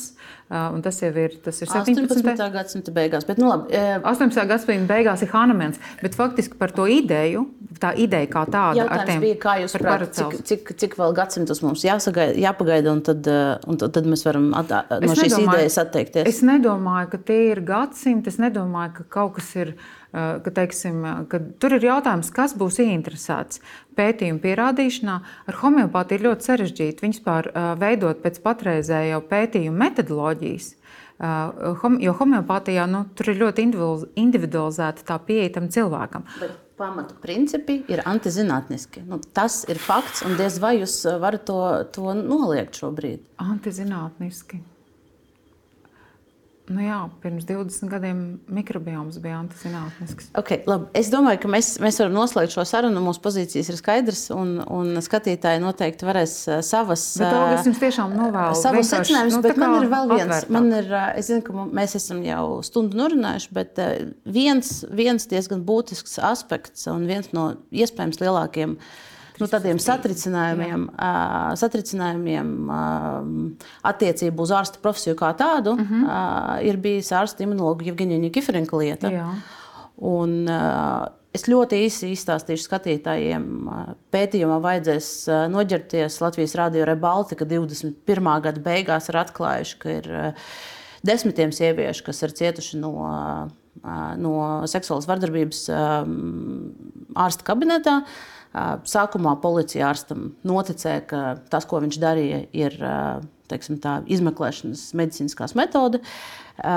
Bet uzsākta no jauna bija krimināla lieta pirms gada, un šobrīd viņš ir uz apsūdzēto sola. Jautājums ir, ka pirmās ziņas ārstu biedrībai par šo, par šo kungu parādījās 2009. gadā. Bija ētikas komisijas tolaik lēmums, ka viņš pārkāpj rupji ētikas mm -hmm. normas, jo viņš bija iejaucies sieviešu ģenitālijās bez, bez certifikāta, kas ļautu viņam to darīt. Mm -hmm. Un, kopš tā laika, nu, līdz bija šis žurnālistu pētījums, vairāk nekā desmit gadus viņš ir darbojies, un tie pēdējie gadījumi, kur sievietes stāsta par pieredzi par savu, tie ir bijuši 21. gadā. Jautājums ir, vai Vai jūsuprāt, ārstu biedrība, vai jūs esat par to domājusi, vai ārstu biedrība varēja kaut kādā brīdī kaut ko darīt, lai Jā. pasargātu pacientus. Tāpēc jau arī mēs virzījām tos, tos izmaiņas ārstniecības likumā par tām disciplināru lietām. Jo, piemēram, ja 2009. gadā šis ētikas komisijas lēmums un tas brīdinājums viņam būtu tāds nu, disciplināru lietas svars, tad šis jautājums tiktu pacelts un varbūt doktors nebūtu saņēmis, reserti, re, nu, viņš nebūtu resertificēts. Tas ir tas, ko mēs arī ļoti jau, nu, teiksim, jo es nevaru atbildēt par to, kas ir ārstu biedrībā bijis 2009. gadā. Es aktīvi nedarbojos, es biju nu, biedrs, bet aktīvi nedarbojos. Nu, teiksim, tas ir skaidrs, es jums pilnīgi piekrītu. Bet, teiksim, tad, kad mums teica, kāpēc jūs tagad neatņemat certifikātu, ir zināma kārtība. Mēs jau nevaram uz to, ka viens cilvēks par kādu ir pasūcējies ārstam atņemt certifikātu. Mums bija šī pieredze. Es nezinu, kāpēc toreiz, 2009. gadā, ārstu biedrība nebija virzījusi to, bet ko mēs tagad darām? un ko jūs arī norādījāt, kas nav izdarīts līdz galam. Jūs tiešām nespējat izsekot visiem likumdošanas izmaiņām, kas ir paredzēts. Ir jā, tam noteikti ir jābūt. Ja, kaut, ja ir bijusi tāda ētikas lieta, un mēs esam izskatījuši, un pēc tam viņam jau bija arī tur iepriekš, man liekas, ka tur tur bija izmeklēšana ļoti nopietna arī pēc 2009. gada. Ir šis gadījums, ir ētikas komisijas lēmums. Ētikas komisijas lēmums iet uz, tad, kad ir certifikācija ārstam, visi šie fakti tiek ņemti vērā, un certifikācija tiek pieņemta nevis tikai uz tās izglītošanās un profesionālās darbības pamata, bet arī uz disciplināru lietām no ārodu komisijas, no ārodu, komi, ārodu tiesas, mēs viņu tagad nedrīkstam vairs par tiesu saukt, un arī no ētikas komisijas. Un viss, nu, teiksim, šī gadījumā varbūt ārsts nebūtu, ja būtu tā likumdošana sakārtot, kā mēs viņu piedāvājam, to likumdošanu sakārtot. Pie tam mēs viņu piedāvājam pirms šī gadījuma. Tas stāsts jau ir diezgan sens. Tad viņš nebūtu varbūt jau resertificēts tagad. Bet brīdī, bet brīdī kad uh, publiski izskanēja šī informācija Jā, pēc uh, Latvijas rādio. Bet saprotiet, ir likumdošana Latvijā. Tajā mirklī, kad mēs saņēmām ziņu no tiesību sargājošām iestādēm, kad ir uzsākts process, mēs apturējām certifikātu momentāli. Bet, Bet ir, ir likumdošanas akti, kā var certifikātu apturēt un kā var certifikātu atņemt. Es nevaru to no, no žurnāla, no, teiksim, no paziņojumu kādā no Latvijas mēdījiem uz tā pamata apturēt ārstas certifikātu. Bet no ārstu biedrības var būt proaktīva rīcība. Jūs varējāt vērsties, jo es atgādināšu to, to laika līniju. 21. gada novembrī bija publicēts šis pētījums, un certifikāts ticis apturēts uh, Nikiferenko tikai vasarā nākamajā gadā. Un uh, vēl Īsi pirms tam vēl policija pati vienkārši aizliedz viņam nu, nu, šo aizliegumu strādāt, viņam kā drošības līdzekļu piemēroja. Bet jautājums ir, vai šajā, posmā, vai šajā, posmā, vai šajā posmā Latvijas ārstu biedrība varēja būt proaktīvāka? Jūs varējāt uzrunāt pacientus, lai uzrakstītu jums iesniegums, lai nosūtītu tos materiālus, kas, kas viņiem ir. Bet mēs jau tāpat neko nevaram izdarīt. Saprotiet, mēs nevaram. Jūs varat ētikas komisiju, ārodu ētikas komisiju doktoram bija, bet, un arī jaunākā, jaunākā, jau tagad, 21. gadā sākt kaut ko darīt Bet tālāk, lai cilvēki redz, mēs ko. arī 21. gada, tas bija 21. gada janvārī. Mēs, mēs tiešām arī runājām, mēs, mēs uzaicinājām, mums bija starp citu diskusija. Mums bija diskusija, ko darīt šādā gadījumā, kā mums rīkoties. Jo, piemēram, ja mēs apturam to darbību un ārsts nepierāda, nu, mums nav nekāda pamata, ja mēs vienkārši proaktīvi to darām, tad ārsts var iesūdzēt ārstu biedrību. Ticiet man, kad rentē. Tas būs tiesa. Nu, jā, un tad mums saprotiet, tas nav risks, ko ir jāuzņemās, ņemot vērā to, ka ir uh, visneaizsargātākas šīs jaunās sievietes pacientes, kas pie viņiem gāja auga. Un arī pašā laikā pie mums, ir, man, mums, ir, pie mums zvanīja eh, ļoti cienījami cilvēki, kas ir ārstējušies pie, pie šī ārsta un pārmet, ka mēs viņu neaizstāvam. Saprotiet, ir tās divas puses. Nopietni, nopietni. Vai šajā gadījumā jūs tiešām uzskatāt, ka ir divas puses? Uh, šajā Nikiferenko gadījumā. Nikiferenko gadījumā tas ir no jūsu viedokļa, nav divas puses. Bet bija cilvēki, kas rakstīja, mums bija atbalsta vēstules, ka viņš ir ļoti brīnišķīgs ārsts un ka viņš ir, apma, ir ticis apmelots. Un, saprotiet, un tas, tas, viņš, Olga, es to nevaru atbildēt. Bet tas, ka viņš da, dažu, dažiem cilvēkiem, ka daļai cil, savu pacientu ir palīdzējis, nenozīmē to, ka viņš, ka viņš ir pārkāpis šo sieviešu privātumu. Es jums pilnīgi piekrītu. Un vēl pirms Nika Ferenko mēs jau pajautājām, es jums nevaru precīzi atbildēt, kurā datumā, bet jau mēs šo jautājumu par tām disciplināru lietām, jo ja mums būtu tās tiesības uz tām disciplināru lietām, tad mēs varētu, jo saprotiet, ir arī likumdošanas kārtība. To jums arī pagājuši gadu stāstīja mūsu juriste. Jo saprotiet, tu, tu nevari teiksim, cilvēkam pateikt, tu esi vainīgs, pirms viņa uh, vaina nav pierādīta. Cik aktīvi tad jūs esat šajā šo, šo jauno šo likuma grozījumu virzīšanā, ja mūsu sarunā nu, jūs nezinājāt, cik tālu tie ir un ka tie īstenībā nemaz nestāsies spēkā? Viņi stāsies tie li, li, likuma spēkā. Neviena ministrija nav saskaņojusi vēl, izņemot iekšlietu ministriju šos grozījumus. Tas ir tas, kas ir redzams. Mums ir bijusi jau vairākas reizes tās diskusijas par tām saskaņošanām. Viņas tiešām ir bijušas ļoti ilgi. Mēs paskatāmies, viņi var arī, ja jūs redzat, es tiešām Nē, tādā portālā. Var, tad... Varbūt jūs pēc raidījuma varat atsūtīt, kas ir tas nu, precizējušais. Es ja mēs tiešām atsūtīt, gribam pastāstīt mēs... par tiem grozījumiem. Mēs viņus, Kad stāsies spēkā, mēs kas ir pēdējais? Jau, jo mēs jau pagājušā gadā ļoti aicinājām arī visus kolēģus, kurus interesē šis darbs, un arī asociācijas deleģēt uz, gan uz ārotiesu, gan uz ētikas komisiju kolēģis, kas ir gatavi iesaistīties un strādāt. Jo viņiem būs pilnīgi citi uzdevumi, jo būs šīs disciplināras lietas. Mēs ļoti cerējām. Jo saprotiet, es esmu ārsts, un tas ir mans galvenais darbs, ko es dzīvē daru. Otrs ir mans darbs ārstu biedrībā. Un, teiksim, mums ir juristi, kas ar jums arī pagājušo gadu tikās un runājās. Tikās, Saprotiet, tikās, jā, es ļoti labi atceros. Bet, uh, Bet, saprotiet, arī nu, teiksim, visu laiku nu, mums, kā biedrībai, mums ir jā, nezinu, jāaugo vēl citi cilvēki, kas seko visiem šiem likumdošanas aktiem. Mēs jau tā cenšamies visam tam sekot. Mēs atbildam, mēs jau esam padomu, nu, kā, nu, viedokļu sniedzējs. Procesu likumdošanas aktus jau tomēr virza atbildīgās ministrijas. Tā ir jūsu funkcija arī. Ja jūs uzskatāt, ka šī ir prioritāte pacientu aizsardzībai, mēs viņu tad... ļoti virzam. Uh, Bet, bet viens, viens ir tā, tā juridiskā puse, ko Latvijas ārstu biedrība varēja, nevarēja darīt, eh, atca, apturēt certifikātu, atcelt Nikiferenku nu, tajā brīdī, kad iz, izskanēja šīs šaubas. Eh, bet, ehm, bet viens otrs jautājums mēs ir par... Tikai, mēs varam apturēt vai atcelt tikai tad, ja mums ir konkrēti pierādījumi, mums ir, uh, tur ir noteikti kārtība, kā to vispār var darīt. Nu, te man gan jāsaka, ka, ka Veselības inspekcija bija arī aptuveni ap šo laiku, arī pirms, pirms pusotra gada, bija atzinums par to, ka Nikiforenko ir tā, pārbaudījis cirkšņa limfmezglus. Neprasot pacientiem piekrišanu. Tā bija uh, veselības inspekcijas, viņi to konstatēja. Uh, par to arī izskanēja medijos informācija. Šis ir konkrēts likuma pārkāpums, kas bija jau zināms jau tad, kad uh, vēl policija paziņoja par to, ka viņi ir atsākuši kriminālu lietu. Pie šī gan ārstu biedrībai bija iespēja rīkoties. Ziniet, kā teiksim, nu, ņemot vērā to, ka, piemēram, noteikti, es jums pilnīgi piekrītu, ka ārstu biedrībai bija pie tā jārīkojas, bet es domāju, ka tas bija tas laiks, kad mums vēl bija arī citi uzdevumi. Ticiet man, ka tas nav vienīgais gadījums. Mums ir sūdzības, kur teiksim, sūdzās par ārstu, kur ne, tā ir, ne tādu vēstuli ir uzrakstījis bāriņu tiesai, kā, kā tēvs uzskata, ka viņi nav novērtējuši viņa iesaistīšanos. Jūs pat nevarat iedomāties, par ko tikai nesūdzās. Es, un tas es ir kolēģiem brīvprātīgais bet. Uh, sūdzās, nesūdzās, tas ir viens, bet šīs konkrētas ļoti skaļš gadījums, kur apdraudēt pacienti. Un te bija informācija no veselības inspekcijas. Jums tikai bija jāiziet uz komunikāciju ar to iestādi un uh, un jārīkojas tālāk. Ar veselības inspekciju? Jā. Bet saprotiet, nu, kā, kā jūs redzat, kā man tas būtu, nu, teiksim, nu, ja veselības inspekcija būtu, uz, nu, mums tagad ir arī jautājums, kā mēs, teiksim, informējam. Mums tagad ir izveidojusies tā informācija savā starpā. Bet padomājiet, nu, tad man ir par trī, visu laiku jā, jāiziet uz, nu, tā kā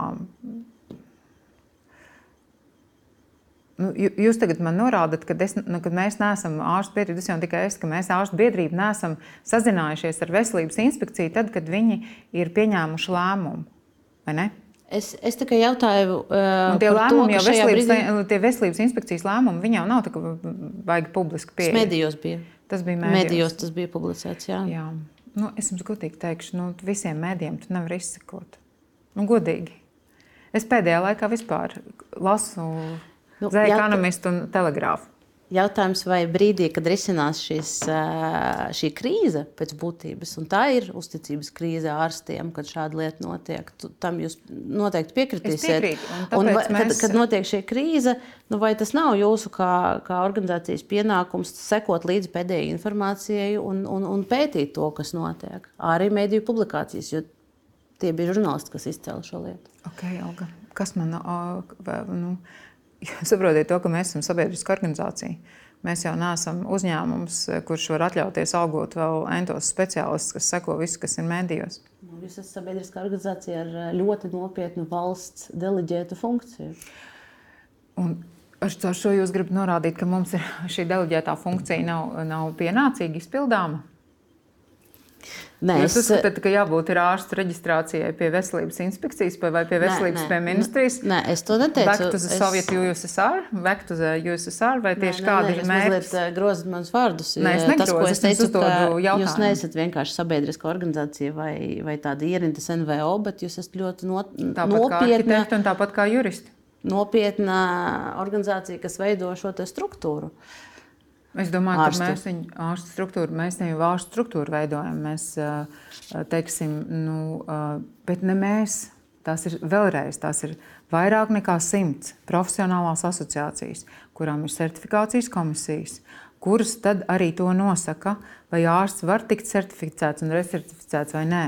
Ārstu biedrība, certifikācijas padome apstiprina šīs certifikācijas komisijas lēmumus, vai arī strīdus gadījumā pārskata certifikācijas komisija lēmums. Tas ir tas mūsu uzdevums. Bet principā tās ir daudzas šīs speciālistu organizācijas, kuras ir. Demo, tas ir demokrātisks process, kurā ārsti paši sev novērtē, kā tas notiek visur pasaulē un ir noticis kopš 19. gadsimta sākuma. Man pēdējais jautājums ir, ņemot vērā to, ka visi šie grozījumi nav pieņemti vēl joprojām, un tā, tā mm, praksa un tā kārtība ir tāda, kā jūs to aprakstījāt. Ja gadījumā šobrīd vai nu mēdījos izskan informācija, vai nu jūs saņēmat teiksim, kādu iesniegumu mm. par līdzīgu gadījumu, kā tas bija mm. ar Jevģīnu Nikaferenko, kāda vai, vai jūsu, jūsu kā organizācijas rīcība būs citādāka Jā. nekā tā bija pirms pusotra gada. Noteikti. Un... Jo mums ir jauna ētikas komisija, kuru vada profesors Vilnis Lietuvietis. Ētikas komisija strādā pavisam citā. Nu, ir kolēģi, kas eh, turpina strādāt ētikas komisijā, bet ētikas komisija tika ievēlēta pagājušā gada novembrī. Un, uh, es gribu teikt, ka ētikas komisija ir kļuvusi daudz uh, nu, aktīvāka un proaktīvāka visu šo jautājumu risināšanā. Un es domāju, ka tas ir bezgalīgi svarīgi. Nu, tiešām cerēsim, ka ar šādiem gadījumiem nebūs, eh, nebūs par šādiem gadījumiem nebūs jālemj, eh, jālemj ētikas komisija, bet nu, ar šo. Bet te ir auga vēl viena lieta. Saprotiet, patiesībā, ja, ja ārstam ir šādas, nu, tās ir zināmas problēmas viņā. Mums šīs problēmas jau vajadzētu atsijāt, beidzot augstskolu un pēcdiploma apmācības laikā tā, tā problēma ir ļoti dziļa arī tādā komunikācijas jautājumā. Tā problēma ir dziļa, ka medicīnā netiek mācīta komunikācija un netiek mācīta psiholoģija. Mēs mācām tikai tās ļoti tehniskās lietas. Nu, būsim godīgi. Un tieši komunikācija un spēja saredzēt cilvēku un arī nu, varbūt, ja mēs redzam, ka cilvēkam ir problēmas, būs strādāt kā ārstam. Mums īstenībā nav in instrumentu, ja viņš ir ļoti brīnišķīgs savā zināšanās, profesionālajās. Mums uh, ir vajadzīgi instrumenti, kā viņu novirzīt kaut kur citur. Un tas jau ir, tas ir globālāks jautājums. Tas ir jautājums par to, kā, kā vispār cilvēks mācās par ārstu, ko viņš izmācās un ko viņš mācās pirms viņš saņem savu pirmo certifikātu. Cik daudz mēs pievēršamies uh, mūsdienās svarīgiem jautājumiem.